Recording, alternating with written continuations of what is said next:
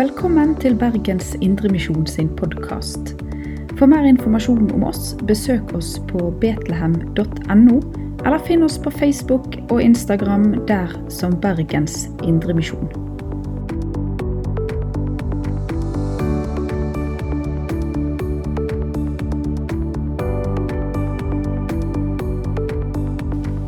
Så flott en sang. Så nydelig en melodi som det også går an å bruke til et dusin andre etablerte bedusanger, f.eks. navnet Jesus. Samme melodien. Men for en sak! Alltid går du ved min side. Tryggheten i at han aldri svikter. Og så prøver jeg å tenke med meg selv han som vi skal høre om nå, som lå 38 år i helsekø. Kjentes hver morgen som at han alltid går ved min side. Og hva med de dagene eller årene som kom etterpå? Vi skal høre selve bibelfortellingen fra Johannesevangeliet 5, fra vers 1 til 15. Etter dette kom en av jødenes høytider, og Jesus dro opp til Jerusalem. Ved saueporten i Jerusalem ligger det en dam som på hebraisk heter Betesta. Den er omgitt av fem bueganger. Der lå det en mengde mennesker som var syke, blinde, lamme, uføre. De ventet på at vannet skulle komme i bevegelse, for en engel fra Herren steg fra tid til annen ned i dammen og rørte opp vannet. Den første som steg ned i dammen etter at vannet var blitt rørt opp, ble frisk, uansett hvilken sykdom han hadde. Det var en mann der som hadde vært syk i 38 år. Jesus så ham ligge der, og han visste at han hadde vært syk lenge, og sa til ham, Vil du bli frisk? Den syke svarte, Herre, jeg har ingen som kan få meg ned i dammen når vannet blir rørt opp, og når jeg kommer fram, går alltid en annen uti før meg. Da sier Jesus til ham, Stå opp, ta båren din og gå. Straks ble mannen frisk. Han tok båra si og gikk. Men det var sabbat den dagen, og jødene sa til ham som var blitt helbredet, det er sabbat, du har ikke lov til å bære båra. Han svarte, Han som gjorde meg frisk, sa, ta båren din og gå. Hvem er det mennesket som sa at du skulle ta den og gå? spurte de. Han som var blitt frisk, visste ikke hvem det var, for Jesus hadde trukket seg unna, det var så mye folk der. Senere fant Jesus mannen på tempelplassen, og Jesus sa til ham, Nå er du blitt frisk. Synd ikke mer, for at ikke noe verre skal hende deg. Mannen gikk da og fortalte jødene at det var Jesus som hadde gjort ham frisk. Amen. Dette er en av ganske mange bibelfortellinger om Jesus som helbredet syke. Det er virkelig mange sånne fortellinger. Har du tenkt over hvorfor? Eller hvis vi utvider og sier hvor mye i Bibelen er det som på ulike måter handler om helse? Da tror jeg fort vi blir enige om at det er en veldig stor andel. Sånn er det i levd liv for hver av oss òg. Det betyr mye med helse. Så lenge alt er greit, så tenker vi ikke over det. I en pandemi tenker alle på det. Og så er det mange enkeltmennesker som har vært nødt til å tenke på det hver dag, kanskje et helt liv. Med sykdom, fysisk eller mentalt med smerter og begrensninger. Noen med kronisk sykdom og smerte som aldri gir seg. De fleste av oss vet lite om det og overser kanskje den kampen noen kjemper. Hør nå. Gud overser det ikke. Gud regner ikke det for å være uinteressant eller sånn litt utenfor radaren. Da Jesus kom der i trengselen, så står det at han så denne mannen. Jeg er blitt så glad i det uttrykket som kommer ganske ofte. Da så Jesus, og så er det en eller annen person. Og så skammer jeg over hvor mange jeg overser. Jesus ser.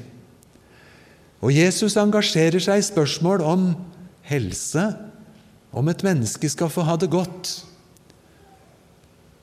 Minner igjen om hvor mange fortellinger, kanskje 20-30 av evangeliene, som forteller om hyggelig at Jesus stanset, gikk inn i den nød og smerte som den ene eller noen flere syke hadde. Han var uredd i møte med smitte og sykdom. Det var akkurat som om ikke sykdommen smittet på han, men Jesu renhet smittet på dem som var syke. Jesus var ikke redd for å ta på mennesker. Han kunne helbrede en som var døv, en som var blind. Han holdt seg ikke på lang avstand, selv om han også noen ganger kunne helbrede, bare med et ord, kilometervis unna der den syke befant seg. For det står og faller på Herrens ord. Og så våget Jesus å gå inn i livet til noen som var tråkket på, og til andre som var støtt ut fordi de kanskje var for høyt opp, om det var jantelov eller det var misunnelse som kunne isolere dem og stenge dem ute. Og så har vi en Jesus som er vårt store forbilde i å se det mennesket og våge seg nær og som våger å sette ord på det som er så vondt, som de fleste av oss har lært å gjemme litt til side, med mindre vi er trygge på at folk virkelig mener godt med å bry seg. Og så kunne han ha med en kvinne å gjøre som hadde hatt blødninger i tolv år. Og så kunne han se nøden hos en enke som hadde mistet sin eneste sønn i byen Nain. Og så var han ikke redd for å gå direkte i møte med døden der hvor det allerede stinket av Lasarus, men med sitt ord skapte liv av døde. Og så blir han vårt store forbilde. Og vi hadde lyst til å ligne ham, kanskje også i den helbredende gjerningen.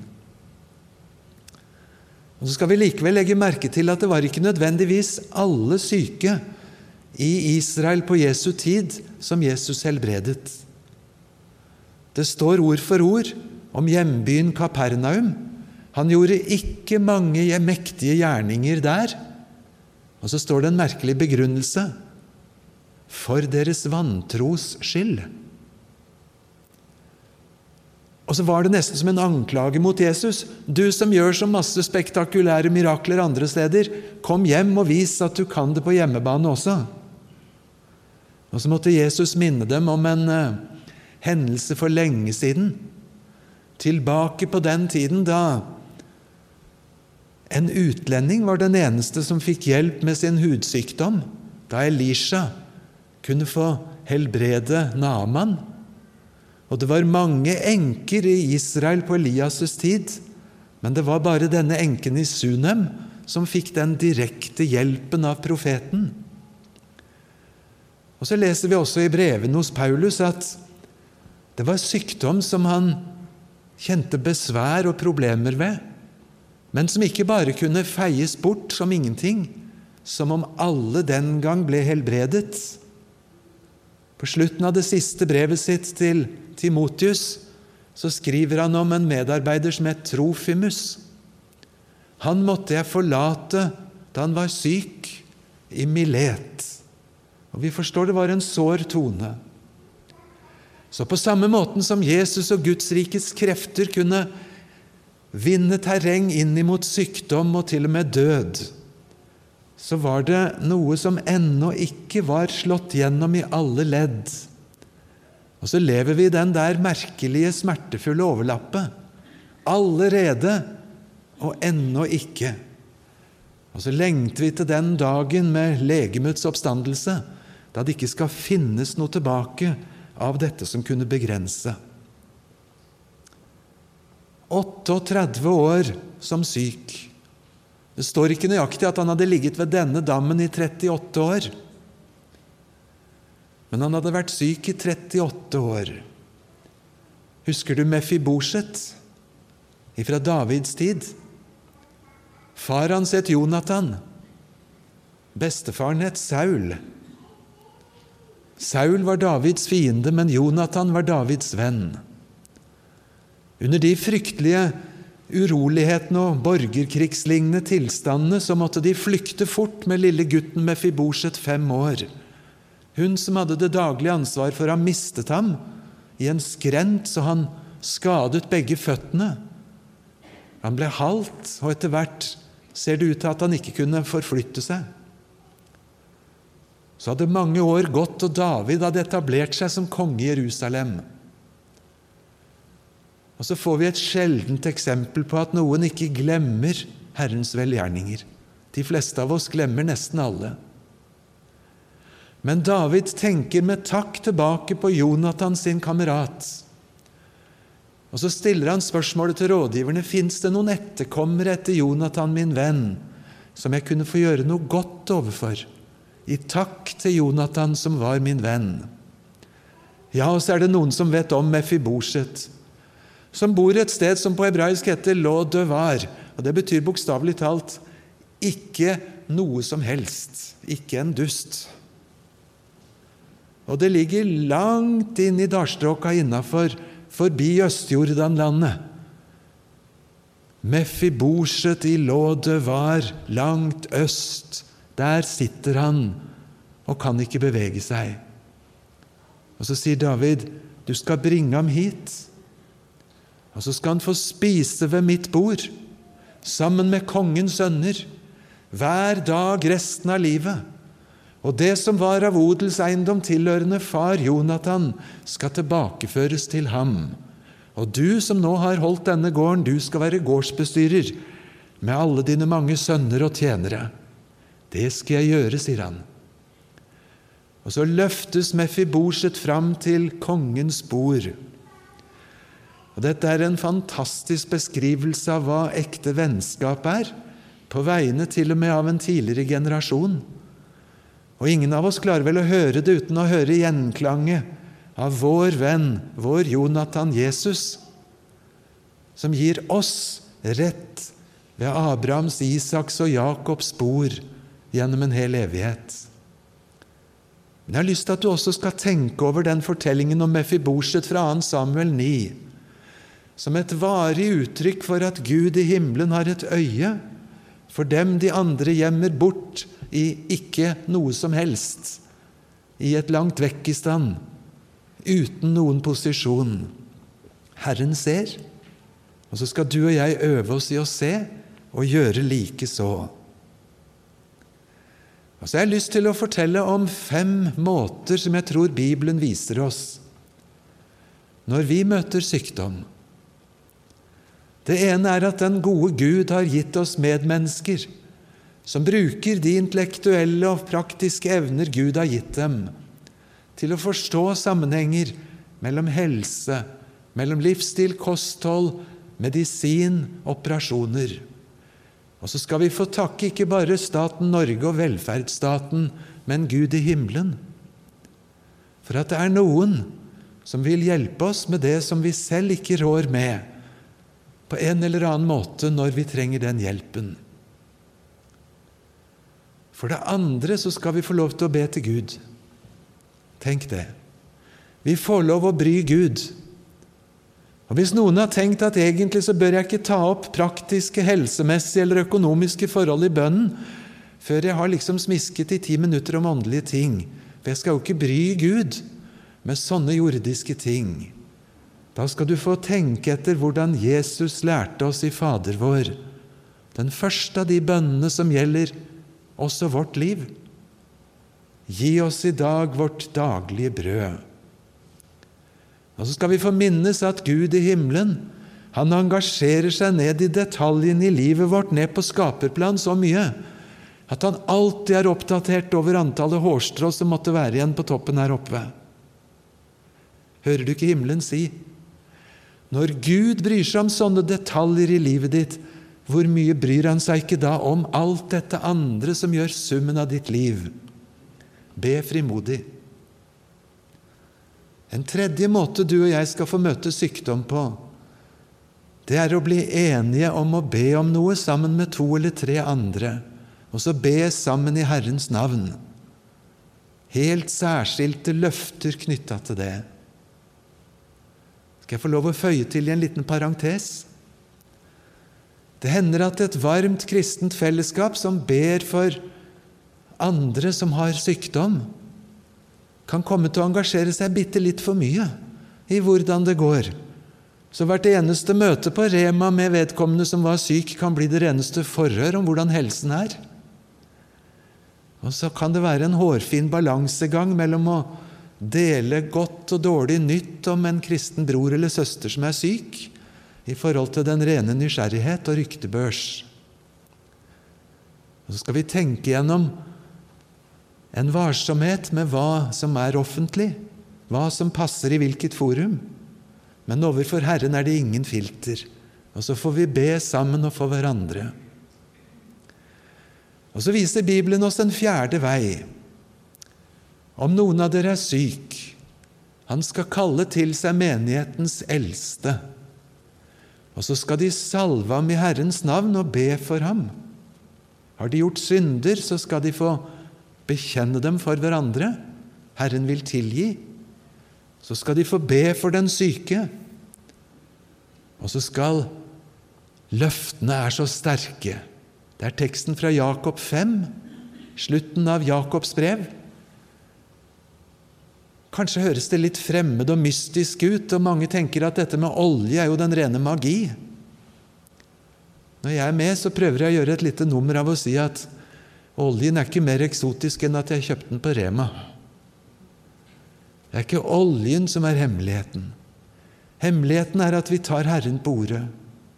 Og så kan vi kanskje få tegne det fineste symbol vi vet, Jesus-symbolet med et kors, på kinn eller panna eller på det syke stedet. Og så blir vi så konkrete og direkte at vi får lov til å be til Herren, og be spesifikt for det som er det tunge. Så ligger det i Herrens hånd om vi blir friske, eller om Han gir oss styrke til å bære det videre så er det også en femte vei som brevene i Nytestamentet forteller ikke så lite om. Særskilte nådegaver til helbredelser. Det er vi ikke så vant med, mange av oss. Kanskje er det ikke så lett å stå fram og si 'jeg tror jeg har fått en nådegave til å helbrede'. Hvem våger å si noe slikt? Men det står der flere steder i Guds ord. Og Det er litt pussig å se at akkurat den nådegaven står omtalt i flertall hver gang. Nådegaver til helbredelser. Kanskje har Gud i sin visdom villet gi litt ulike nådegaver overfor ulik sykdom. Jeg vet ikke. Herren vet. Jeg tror for visst at Gud er den samme og allmektig. Og på samme måte som det fins masse misbruk av nådegaver til helbredelser, hvor alt skal skje på scenen, mens Jesus som regel trakk seg unna folket.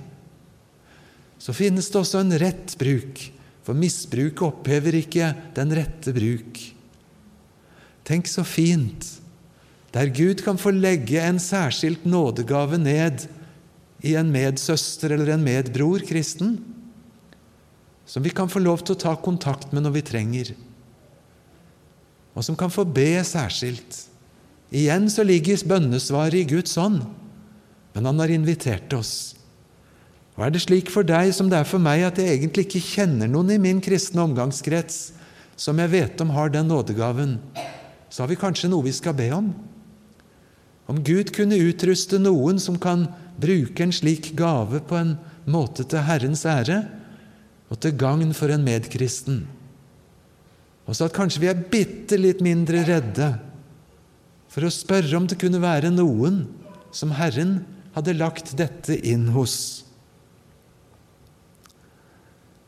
Du hører Bibelen inviterer oss til å ta det med fram for Gud.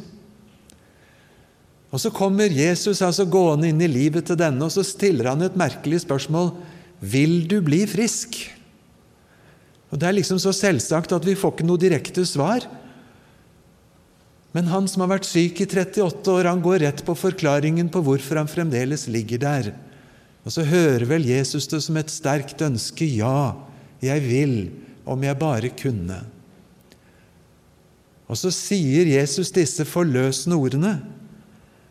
Stå opp, ta båra di og gå. Og så kan han det. Så står han der, og så kunne han gå. Jeg har aldri hatt noen tilsvarende opplevelse. Jeg hadde nær sagt den motsatte en gang, som en litt overivrig 19-åring. Han hadde løpt litt for mye og fikk smadra knærne i en fotballkamp i USA. Skulle studere der et år. og Det gikk såpass galt som at jeg havna på sykehus noen uker. Og Da de tok av gipsen etter noen uker og jeg skulle stå, så datt jeg rett ned på gulvet rett foran meg. Det var ikke kraft i beina. En veldig spesiell opplevelse. Så hadde jeg god nytte av krykker gjennom vinteren. Men der hadde jeg veldig mange karismatiske venner. Og de krykkene var som en magnet som dro dem til meg. Å, så mange som kom og skulle be vekk de krykkene. Jeg tror det var mange som ba, og etter hvert så kunne jeg legge dem til side. Og Så var det kanskje i ettertid ikke så dumt at jeg en gang i livet var bitte litt mindre travel med å løpe andre steder i noen måneder og kunne sitte der og ha litt mer tid til å tenke og lese. Jeg vet ikke. Den fasiten er Herrens svar til sist. Men denne merkelige historien er ikke ferdig. For ikke før er mannen frisk, så blir han mer eller mindre Arrestert ikke av bunadspolitiet, men av et slags tempelpoliti eller sabbatspoliti. Det er ikke rett å gå og bære på senga di. Han som ikke hadde kunnet løfte den på 38 år. Og så bryter han et bud. Og så unnskylder han seg med at det var jo en annen som sa jeg skulle gjøre det. Ja, hvem er det? Hvem oppfordrer til sabbatsbrudd? Og så blir selv en sånn velgjerning fra Herren til et stort problem. Og så må de finne ut hvem han er, så de kan sette ham på plass.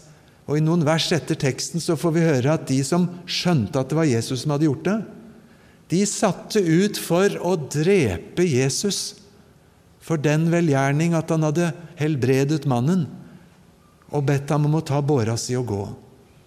Hva slags logikk var det? Jo, vi vet litt om den. For jødedommen fra Jesu tid har gitt oss mange sterke tekster og forklaringer.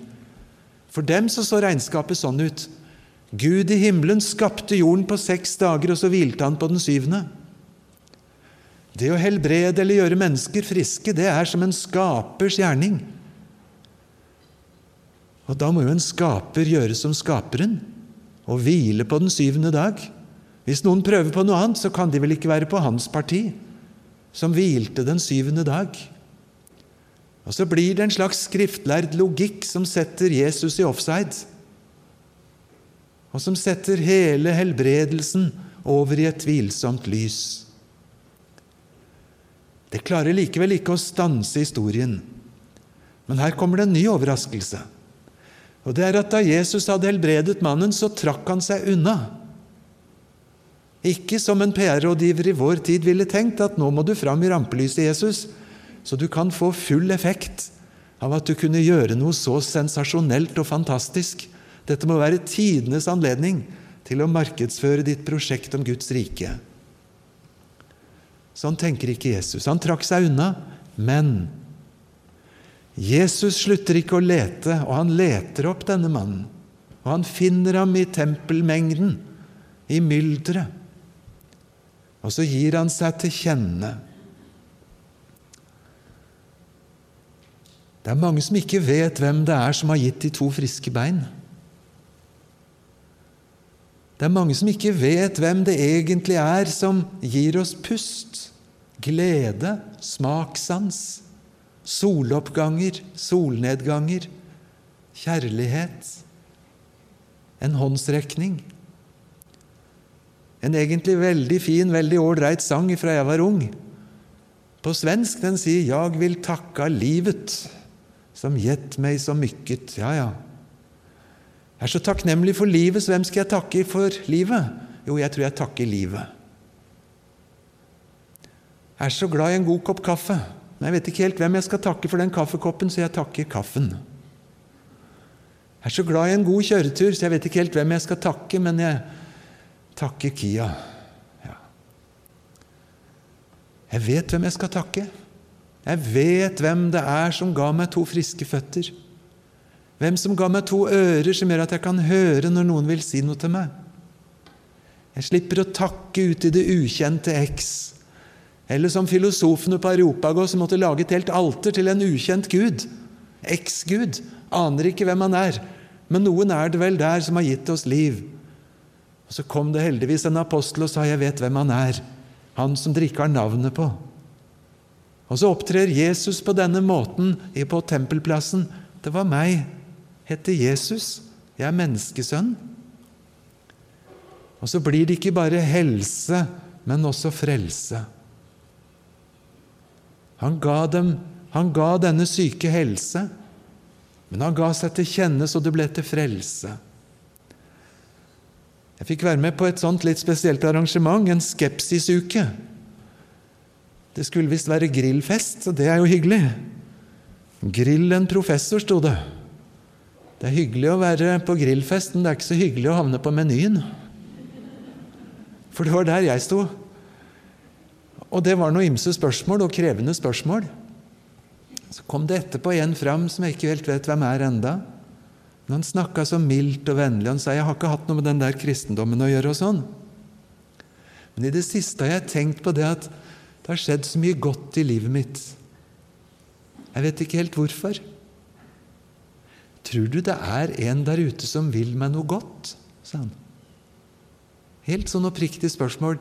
Tror du det fins en der ute som vil meg noe godt? Er det ikke fint? Hører du Paulus skrive til romerne, kapittel 2, vers 4? Vet du ikke at Herrens godhet driver deg til omvendelse? Summen av at Gud bryr seg, skulle ikke den bringe meg til det spørsmålet Hvem er du? Du som ga meg dette.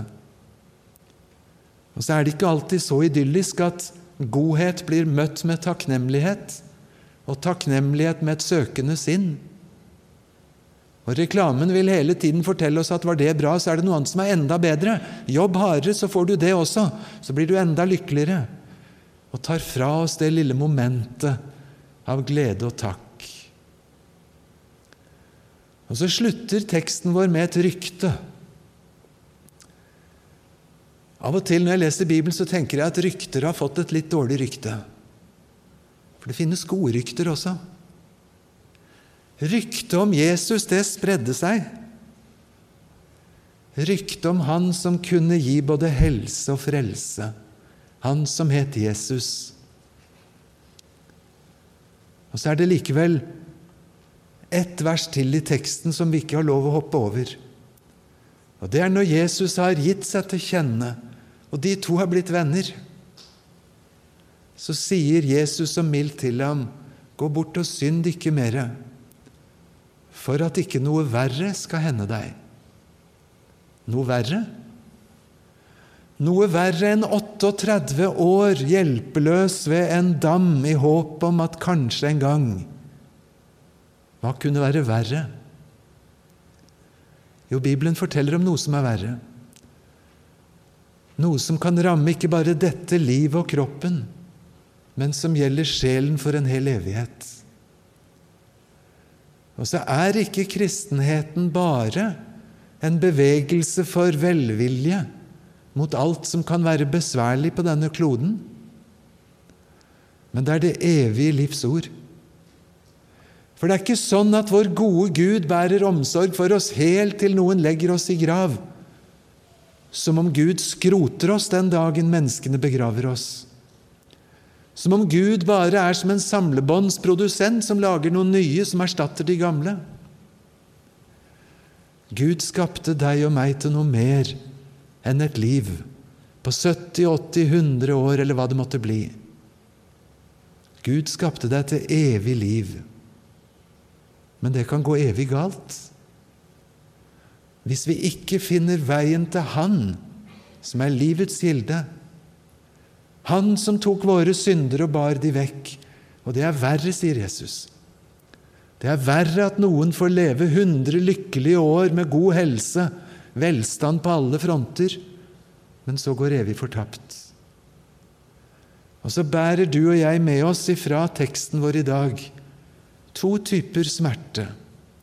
Smerte over alt som er sykdom, plage og ondskap i denne verden.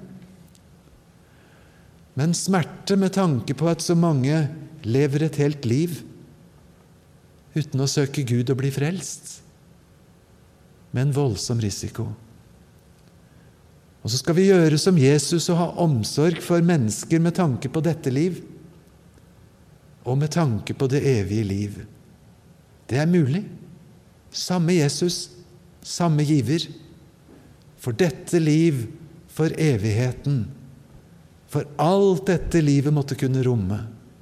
For alt hva dommen etterspør. Svaret er Jesus. Han kan, og han vil. Takk og lov. Du har lytta til Bergens Indremisjon sin podkast. For mer informasjon om oss, besøk oss på betlehem.no, eller finn oss på Facebook og Instagram der som Bergens Indremisjon.